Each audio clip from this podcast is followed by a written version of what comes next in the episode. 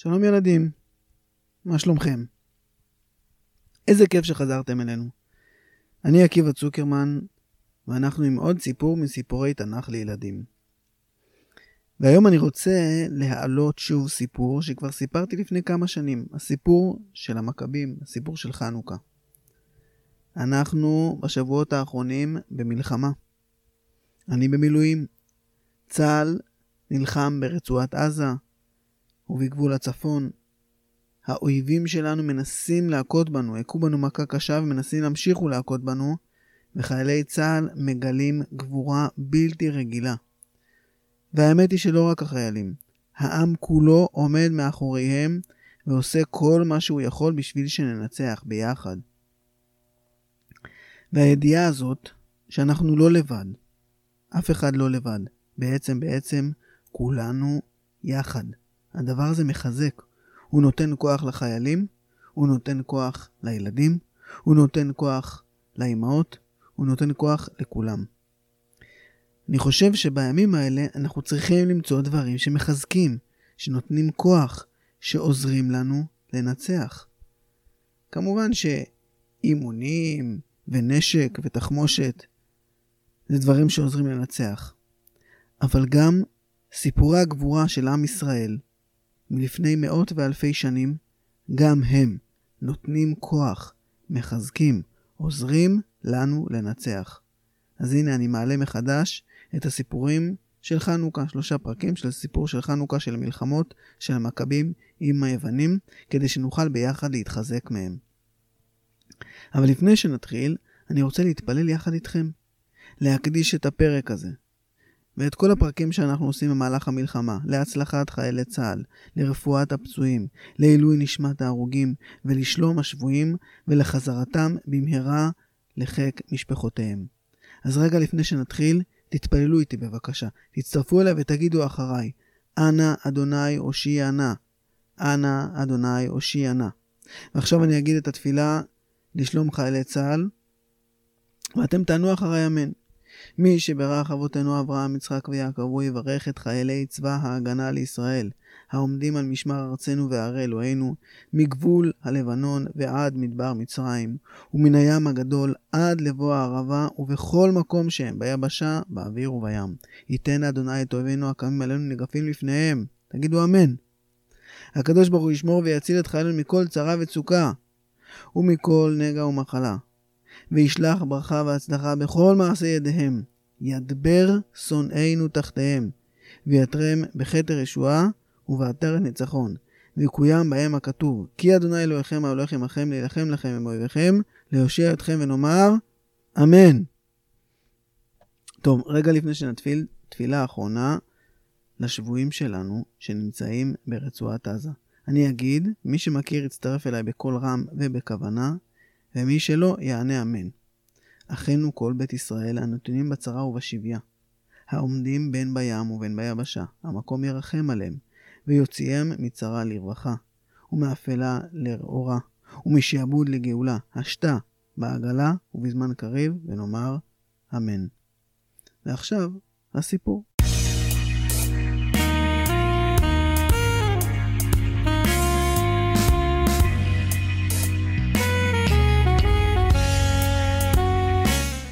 שלום ילדים, מה שלומכם? איזה כיף שחזרתם אלינו.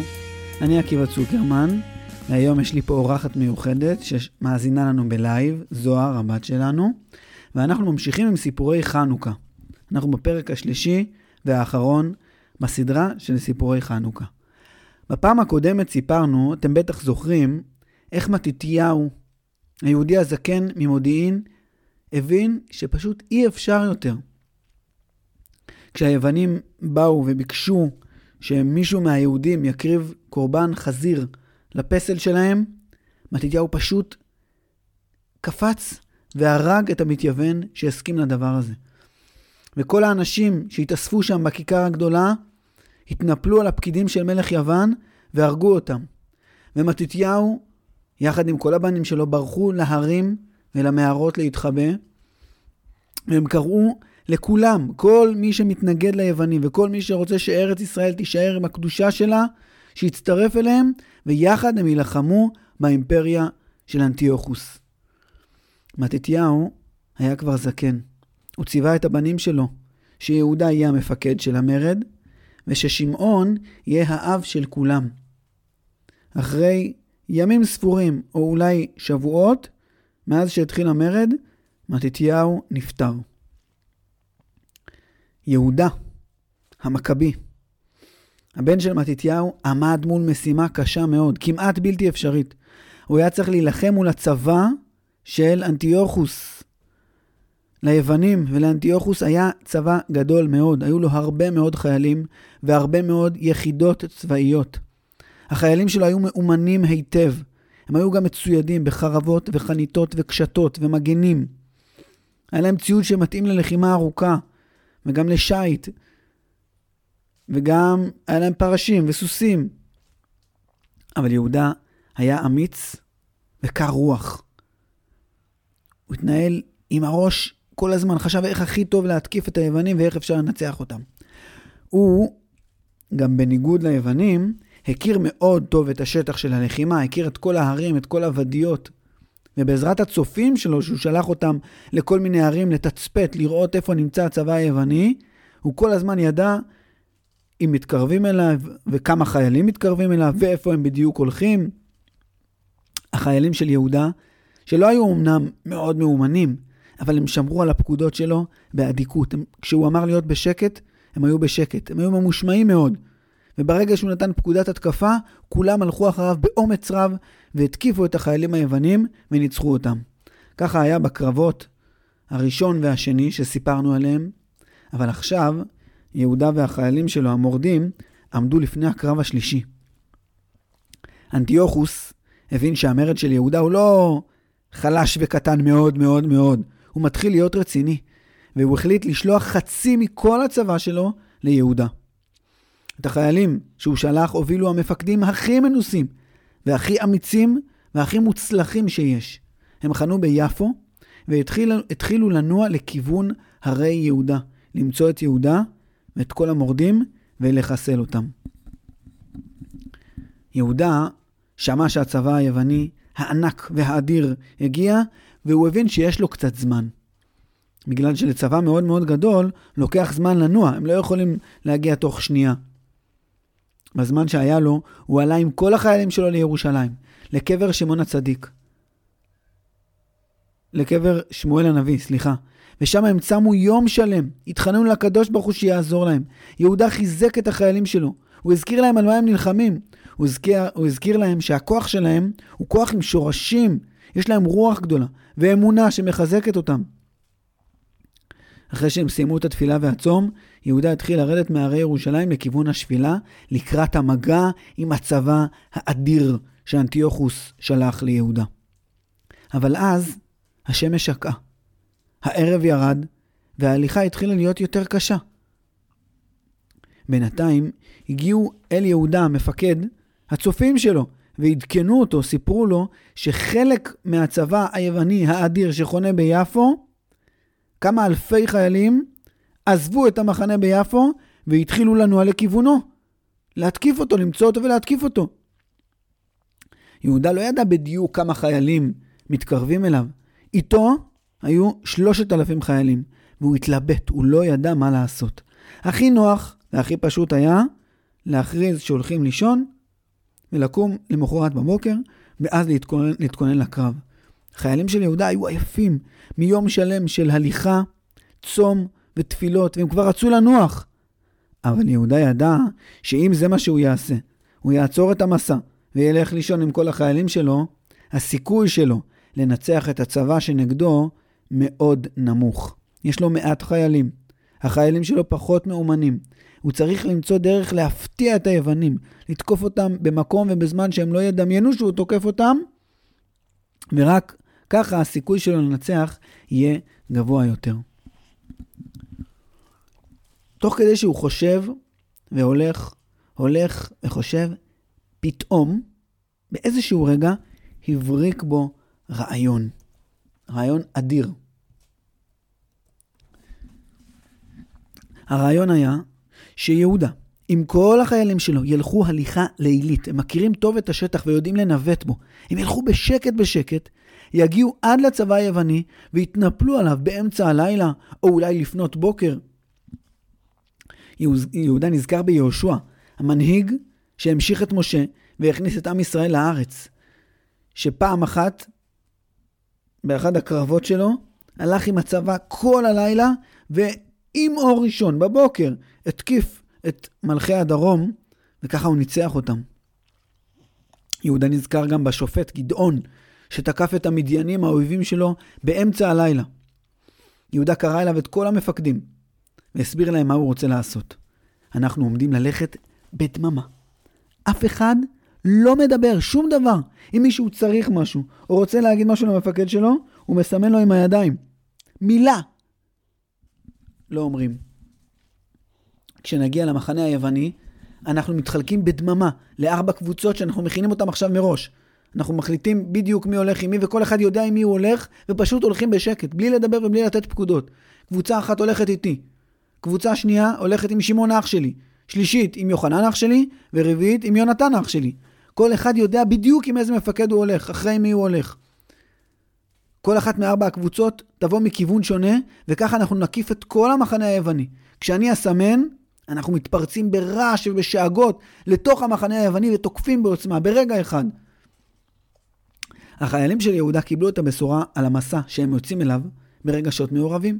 מצד אחד, או, זה קשה כבר. לא היה להם כוח אחרי יום שלם של הליכה ותפילות וצום. ומצד שני, וואי, המפקד שלנו גם אמיץ, וגם יש לו רעיונות מבריקים, ככה אנחנו ננצח אותם. איזה מפקד, אנחנו הולכים אחריו. חיילים של יהודה הלכו כל הלילה. הגיעו למחנה היווני הרדום. בדממה התחלקו לקבוצות שהם סיכמו עליהם מראש. הקיפו אותו מארבע כיוונים, מארבעה כיוונים. וברגע אחד, צווחה צרודה יצאה מפיו של יהודה, קדימה! להסתער! וכל החיילים אחריו, בכל ארבע הקבוצות, פרצו לתוך המחנה היווני מכל הכיוונים. במחנה היווני הייתה מהומה גדולה. אלפי חיילים נהרגו אחד אחרי השני במיטות שלהם כשהם עוד ישנים. חלק התחילו לברוח, ותוך כמה דקות הושגה הכרעה. יהודה ניצח. אבל יהודה ידע שזה לא נגמר. ליוונים יש עוד הרבה חיילים מוכנים לקרב, והם עוד מעט מגיעים בטח. החיילים של יהודה התחילו להסתובב במחנה היווני ולקחת שלל. ארנקים, כסף, צעצועים, ממתקים. יהודה נתן פקודה, וכל החיילים שלו התייצבו בשלשות, הפסיקו לאסוף את השלל ונעמדו. יהודה אמר להם, תעזבו עכשיו את כל הדברים, אף אחד לא נוגע בשום דבר. אף אחד לא מתעסק פה עם כלום, לא אוכל, לא שותה ולא לוקח שום דבר. אנחנו עולים חזרה לערים, מתחבאים במערות טוב טוב, פה נשקיף על המחנה הזה, ואנחנו מחכים לשאר הכוח היווני. אנחנו חייבים להישאר בכוננות. כולם, לצחצח חרבות, למלא מימיות, לסדר את הבגדים, לקשור את השרוכים, להתכונן כמו שצריך, ואנחנו עולים למחבוא. בינתיים, באותו הזמן, גורגיאס, אחד המצביעים שהגיע עם, הצ... עם, חת... עם הצבא הגדול הזה של אנטיוכוס, שאנטיוכוס שלח ליהודה, את... עלה מכיוון יפו להרים, התחיל לחפש את יהודה המכבי, להצטרף לחיילים היוונים שכבר בטח התקיפו אותו. הוא הסתובב בשטח, הסתובב והסתובב והסתובב, ולא מצא את החיילים המכבים. לקראת הערב, גורגיאס פתאום ראה את המחנה היווני שרוף, מובס ומפוזר. וכשהחיילים שלו ראו את זה, הם פשוט התחילו לברוח לכל עבר. וכל הכוח של גורגיאס התפרק והתפזר. ברגע הזה, יהודה פקד על החיילים שלו, נתן להם לצאת מהמחבוא, לקחת את השלל, והחיילים יצאו בשמחה והתחילו להסתובב במחנה היווני בחופשיות. הם אספו כלי נשק, מטבעות כסף, מטבעות זהב, צעצועים, ממתקים, מים, יין, הרבה מאוד דברים שווים. את היין כמובן הם היו צריכים לשפוך בגלל שזה יהיה נסך שאסור לשתות אותו, יין של גויים. היום הזה, שבו החיילים של יהודה התחילו לאסוף את השלל, והבינו שהם ניצחו את הכוח האדיר שהגיע להילחם איתם, היה יום שישי. אחרי שהחיילים אספו קצת שלל, הם רצו להתארגן חזרה, לחזור לערים, לשבת. אבל השמש כבר כמעט שקעה. והם הבינו, כל החיילים המורדים של יהודה, הבינו שהם יישארו במחנה היווני בשבת. הם הכניסו את השבת בשירה, בריקודים, בשמחה, מתוך החורבות של המחנה היווני המובס. הם הודו להשם שעזר להם. איך הם, שהם כל כך מעטים, הצליחו להפחיד, להבריח, להביס, לנצח ולהרוג יחידות ענקיות, אדירות, של עשרות אלפי חיילים מאומנים. הם גם התפללו להשם וקיוו מאוד שבקרוב הם יוכלו לחזור לבית המקדש ולחדש את עבודת הקורבנות. תגידו ילדים, אתם זוכרים את ליסיאס? היועץ המיוחד שהמלך מינה לייעץ לו איך לנצח את המורדים ביהודה?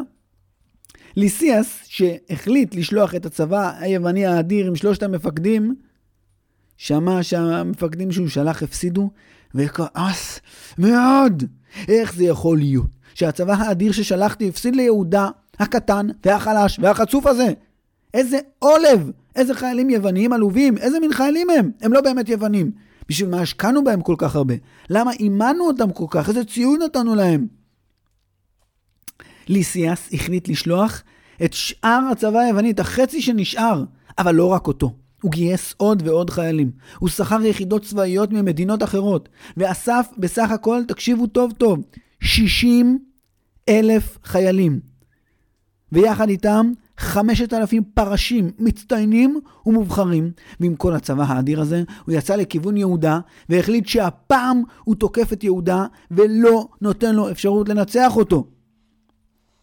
הוא היה אסטרטג, זאת אומרת, הוא חשב איך לנצח, הוא אמר, זה לא מספיק שיש לי הרבה חיילים, ושיש לי צבא גדול והחיילים שלי מאומנים, ואני פשוט אלחם הכי חזק שאני יכול ואני אנצח, זה לא מספיק, לא. יש לי רעיון. אני אבוא ליהודה מכיוון שאף אחד עדיין לא תקף אותו. בדרך כלל, מי שמגיע ליהודה תוקף מהכיוון שהוא הגיע. הצבאות שהגיעו מסוריה תקפו את יהודה מצפון. הצבאות שהגיעו מהים תקפו את יהודה ממערב. אני אגיע מדרום, אני אעשה עיקוף, ואני אגיע ליהודה מאחורה, והוא לא הוא יהיה מוכן. הבעיה הייתה שליסיאס הגיע עם 60 אלף חיילים, ותנועה של 60 אלף אנשים עם הסוסים שלהם, עם האוכל שלהם, שהם צריכים גם לפעמים לקנות, כמויות כאלה גדולות של דברים ותנועה שעושה כל כך הרבה רעש, אי אפשר להסתיר אותם. ליסיאס נחת ביפו עם האוניות שלו, ועשה את הדרך אה, מזרחה מכיוון לכיש, עד שהם הגיעו להרי חברון, הלכו קצת עוד צפונה, עד שהגיעו ליד בית לחם, למקום שנקרא בית צור. מי שמכיר, זה קרוב מאוד מאוד לגוש עציון של היום. ליסיאס עם 60 אלף החיילים שלו חנה שם. והצופים של יהודה גילו את הכוח היווני האדיר שהגיע, והם ידעו שהוא חונה בבית צור. הוא לא יכל באמת להסתתר. הוא כן יכל ללכת מכיוון קצת שונה, שאולי קצת יותר קשה ליהודה המכבי להתקיף אותו משם, אבל זאת לא הייתה הפתעה ליהודה. הצופים שלו הגיעו לו, הגיעו אליו ואמרו לו שצבא אדיר של בערך כמה עשרות אלפי חיילים יווניים הגיע. הצופים שבאו ליהודה אמרו לו, יהודה, אתה לא מבין. אתה לא מבין. זה צבא אדיר, ענק, ענק, ענק, ענק. אין לנו סיכוי. אנחנו יודעים שאתה אסטרטג מצוין, אנחנו יודעים שאתה לוחם יצירתי, אנחנו יודעים שאתה אמיץ, כל הדברים האלה נכונים. אין לנו סיכוי הפעם. תקשיב טוב, כדאי שנברח, שנפזר את הצבא, נתחבא במערות, אין לנו פשוט סיכוי, זה מסוכן מדי, הם ישמידו אותנו. יהודה לא הקשיב להם. הוא אסף את כל החיילים שלו. הם הלכו בשקט. הם ידעו להסתתר כי הם הכירו את השטח והם גם היו פחות חיילים. הם הגיעו עד קרוב לבית צור, חנו כמה מאות מטרים רחוקים מהצבא היווני האדיר. הם התחבאו בתוך הערים ושלחו צופים שיבדקו מה בדיוק עושה הצבא היווני. הצופים חזרו ליהודה, חיוורים כמו סיד, כמו צבע של נייר לבן או כמו קיר לבן. מה זה המחנה העצום הזה? כל מי שראה את המחנה הזה מיד הבין שהפעם אין סיכוי. יהודה אסף את כל החיילים שלו. הם שוב התפללו יחד, בבכייה ובתחנונים לקדוש ברוך הוא. ויהודה שוב הזכיר להם על מי הם נשענים.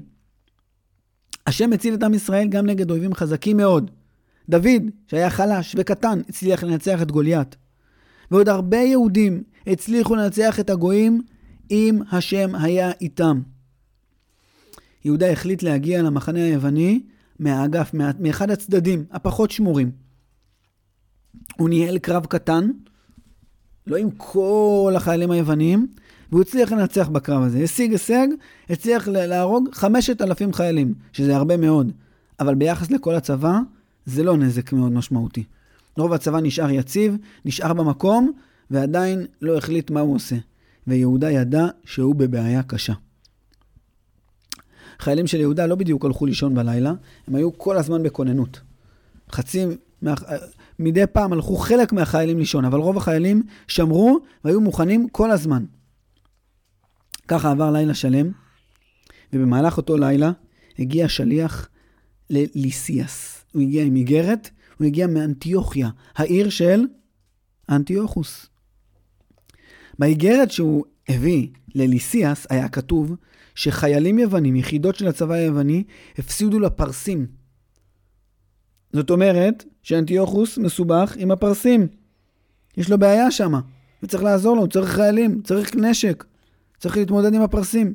חוץ מזה, באיגרת היה כתוב שהמלך אנטיוכוס חולה, שהממלכה במצב לא טוב, וליסיאס הבין שזה לא זמן לא להיות באנטיוכיה, זה לא זמן לא להיות ליד המלך, ליד מרכז העניינים. צריך גם חיילים וצריך, חייב לחזור לשם. עם אור ראשון, הוא הוציא פקודה לכל החיילים שלו, לארוז את המיטלטלים שלהם, לארוז את החפצים ולהתכונן לתנועה. ועל הבוקר, תוך שעה או שעתיים, הצבא היווני, לעיניהם המשתאות של הצופים של יהודה המכבי, פשוט התחיל ללכת בתנועה מהירה מאוד לכיוון הים. החיילים של יהודה ראו את זה ולא האמינו. ניצלנו! יש לנו עכשיו שקט. אין אויבים, אין צבא יווני בארץ, השלטון שלנו, אין גזרות, אפשר ללמוד תורה, אפשר לשמור שבת, אפשר לעשות ברית מילה, איזה יופי, איזה שמחה. הדבר הראשון שיהודה ביקש לעשות, ביחד עם כל החיילים שלו, המורדים, המסורים, שעשו איתו את כל הדרך הזאת, היה לחזור לבית המקדש, לטהר אותו, לתקן אותו, לחדש את העבודה כמה שיותר מהר, את עבודת הקורבנות. החיילים של יהודה עלו בשיירה של שירה וריקודים מבית צור לירושלים. מנלאוס, הכהן הגדול, היה בבית המקדש, והוא שמע וראה את החיילים של יהודה מתקרבים, ומיד הוא ברח מהר הבית ומבית המקדש למצודה היוונית שהייתה בירושלים, שאנטיוכוס עשה שמה בשביל להגן על החיילים שלו והפקידים שלו. המורדים נכנסו לירושלים בלי הפרעות. העיר הייתה פשוט פנויה. הם היו שמחים ומאושרים.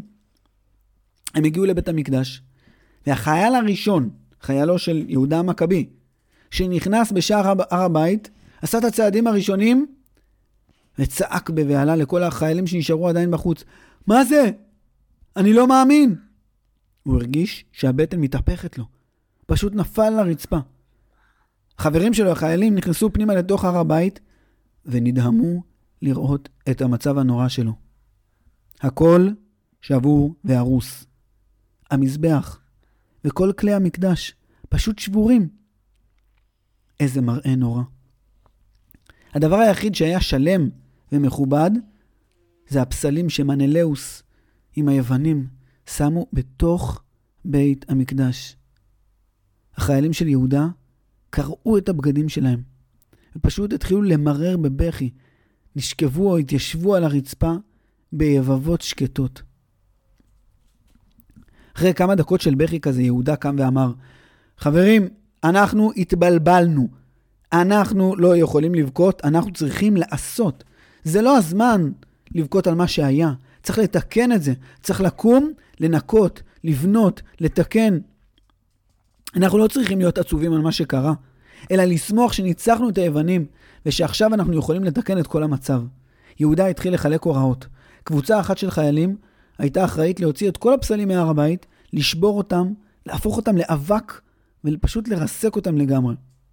קבוצה אחרת של חיילים הרסה את המזבח שהיה קצת שבור, אבל ששימש להקרבת חזירים ובהמות טמאות לפסלים. הם שברו את אבני המזבח, הוציאו אותו מבית המקדש וקברו אותם, הם גנזו אותם. זה אבנים קדושות, שאי אפשר להשתמש בהם וצריך לגנוז אותם, אבל גם אסור לשרוף אותם או לשבור אותם, הם פשוט גנזו אותם בתוך האדמה. קבוצה אחרת של חיילים התחילה להקים מזבח חדש, מתוקן, נקי וטהור. יהודה חיפש בין החיילים אומנים, אם יש צורפים, חרשים, בעלי מלאכה, מתקנים. האומנים שיהודה מצא מבין החיילים התחילו לבנות כלים חדשים. מנורה חדשה, שולחן חדש, מזבח חדש לקטורת. הערב התקרב, ויהודה ביקש מקבוצה של חיילים לחפש שמן להדלקת נרות המנורה. חיילים עשו סיבוב בכל בית המקדש, ואחרי כמה דקות חזרו אל יהודה ואמרו לו, אנחנו לא מוצאים, אין אף פח של שמן. יהודה ביקש מכל החיילים, כל האומנים, כל המתקנים, כל השוברים, הכל, כולם, כל המנקים, לעצור את העבודות ולהצטרף למחפשים. חיילים של יהודה הסתובבו בכל רחבי בית המקדש, חיפשו וחיפשו וחיפשו, ופתאום נשמעה צעקה, מצאתי! אף אחד לא חשב שבלשכה של הכהן הגדול, מנלאוס, שהיה בעצמו אדם ששיתף פעולה עם היוונים והכניס פסלים לתוך בית המקדש, שלא היה, לא היה אכפת לו מהקדושה ומהטהרה של בית המקדש, ודווקא בלשכה שלו, לשכת הכהן הגדול, מצאו כד, שמן זית, חתום וסגור, טהור. יהודה והאחים שלו היו כהנים. הם הקריבו את קורבן תמיד של בין הארבעים על המזבח החדש. ובאותו יום, כ' ה' בכסלו, עם השקיעה, הדליקו הכהנים, בני משפחת חשמונאי, מתתיהו, את המנורה החדשה מפח השמן הטהור. הלוויים נעמדו בדוכן שלהם בעזרה והתחילו לשיר שירי הודעה, שירי הודעה להשם. לבית המקדש זרמו המון אנשים, נשים וטף. אנשים שברחו מהמערות ומההרים, שמעו שירושלים השתחררה, ופשוט הגיעו לבית המקדש, הצטרפו לשירה של הלוויים בשמחה אדירה ובריקודים. וככה במשך שמונה ימים בית המקדש פשוט היה כולו חג, שמחה והודיה להשם, תפילות, שירי הלל, ריקודים. בכל בוקר הכהנים הגיעו למנורה בשביל לנקות אותה, מהלילה, מהפיח, מהשמן המלוכלך, והם פשוט נדהמו. הנרות דלקו כל הלילה, אבל כל השמן נשאר. לא נגרעה ממנו אפילו טיפה אחת. וככה, הכד הזה פשוט הספיק לעוד לילה, ועוד לילה, ועוד לילה, וככה במשך שמונה ימים. כל ימי החגיגות פח השמן הטהור דלק במנורה לילה אחרי לילה. השמועה על הנס הגדול התפשטה עוד ועוד, ושירי ההלל וההודאה גברו עוד יותר, ועוד ועוד אנשים שהסתתרו בפחד במערות נכנסו חזרה לבית המקדש. וגם אנשים שהם היו מתייוונים כי הם הרגישו שאין ברירה, לא בגלל שהם רצו להתייוון. פתאום חזרו לבית המקדש, חזרו לעבוד את השם, חזרו לשמור שבת, חזרו לקיים מצוות, ושמחו מאוד מאוד. כשכל הציבור הגדול שהתאסף בבית המקדש ובירושלים שמע על הנס הגדול שקרה עם המנורה, הם פשוט ראו בזה אות. הקדוש ברוך הוא איתנו, הקדוש ברוך הוא עוזר אותנו, עוזר לנו, הקדוש ברוך הוא אוהב אותנו, הוא ליווה אותנו במרד הזה. אתם יודעים, או שאולי בעצם לא, שבסוכות של אותה שנה, החיילים של יהודה, כל המורדים, לא יכלו לחגוג את חג הסוכות, הם היו עסוקים במלחמה. לא היה להם זמן לחגיגות, לא היה להם זמן לשיר הלל, לא היה להם זמן לאכול בנחת בסוכה. ושמונת ימי החגיגות, שהתחילו בכ"ה בכסלו, כשהם נכנסו לבית המקדש וחנכו אותו בעבודה, היו בשבילם במקום חג הסוכות של אותה השנה. אחרי שנגמרו החגיגות, חכמי ישראל חזרו לשבת בלשכת הגזית של בית המקדש. לשכת הגזית היה אולם גדול, מיוחד, בבית המקדש, שבו ישבו החכמים הגדולים ביותר, חכמי התורה. שם הם למדו תורה. שם הם פסקו הלכות. משם הם לימדו את כל עם ישראל את ההלכות ואת המצוות שלהם. ביום הראשון שבו ישבו החכמים בלשכת הגזית, חזרה אחרי הפסקה גדולה, הם החליטו, מהיום בכל שנה, בכ"ף ה' בכסלו, כל עם ישראל יחגוג ויודה להשם במשך שמונה ימים. כל ערב ידליקו נרות, וכל יום יגידו הלל.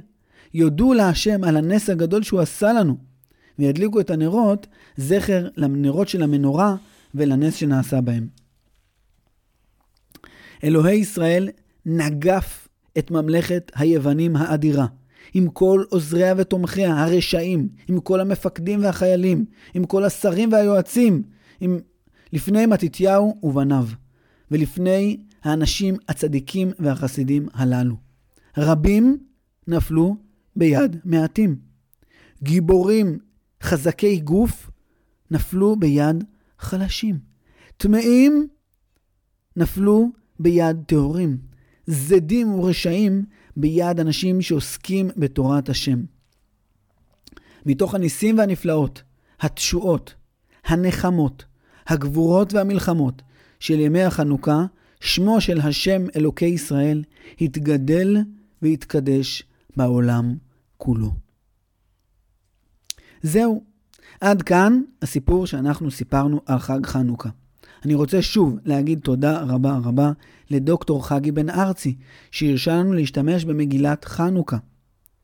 לסיפור שסיפרנו יש עוד המשך. היו עוד מלכים, והיו עוד מלחמות, והיו עוד סיפורים כאלה ואחרים. אתם יכולים לקרוא עליהם במגילת חנוכה של דוקטור חגי בן ארצי. בפרק הבא, בעזרת השם, אנחנו נחזור שוב לסיפורי ספר שופטים. תודה רבה שהאזנתם לנו. להתראות וחג חנוכה שמח.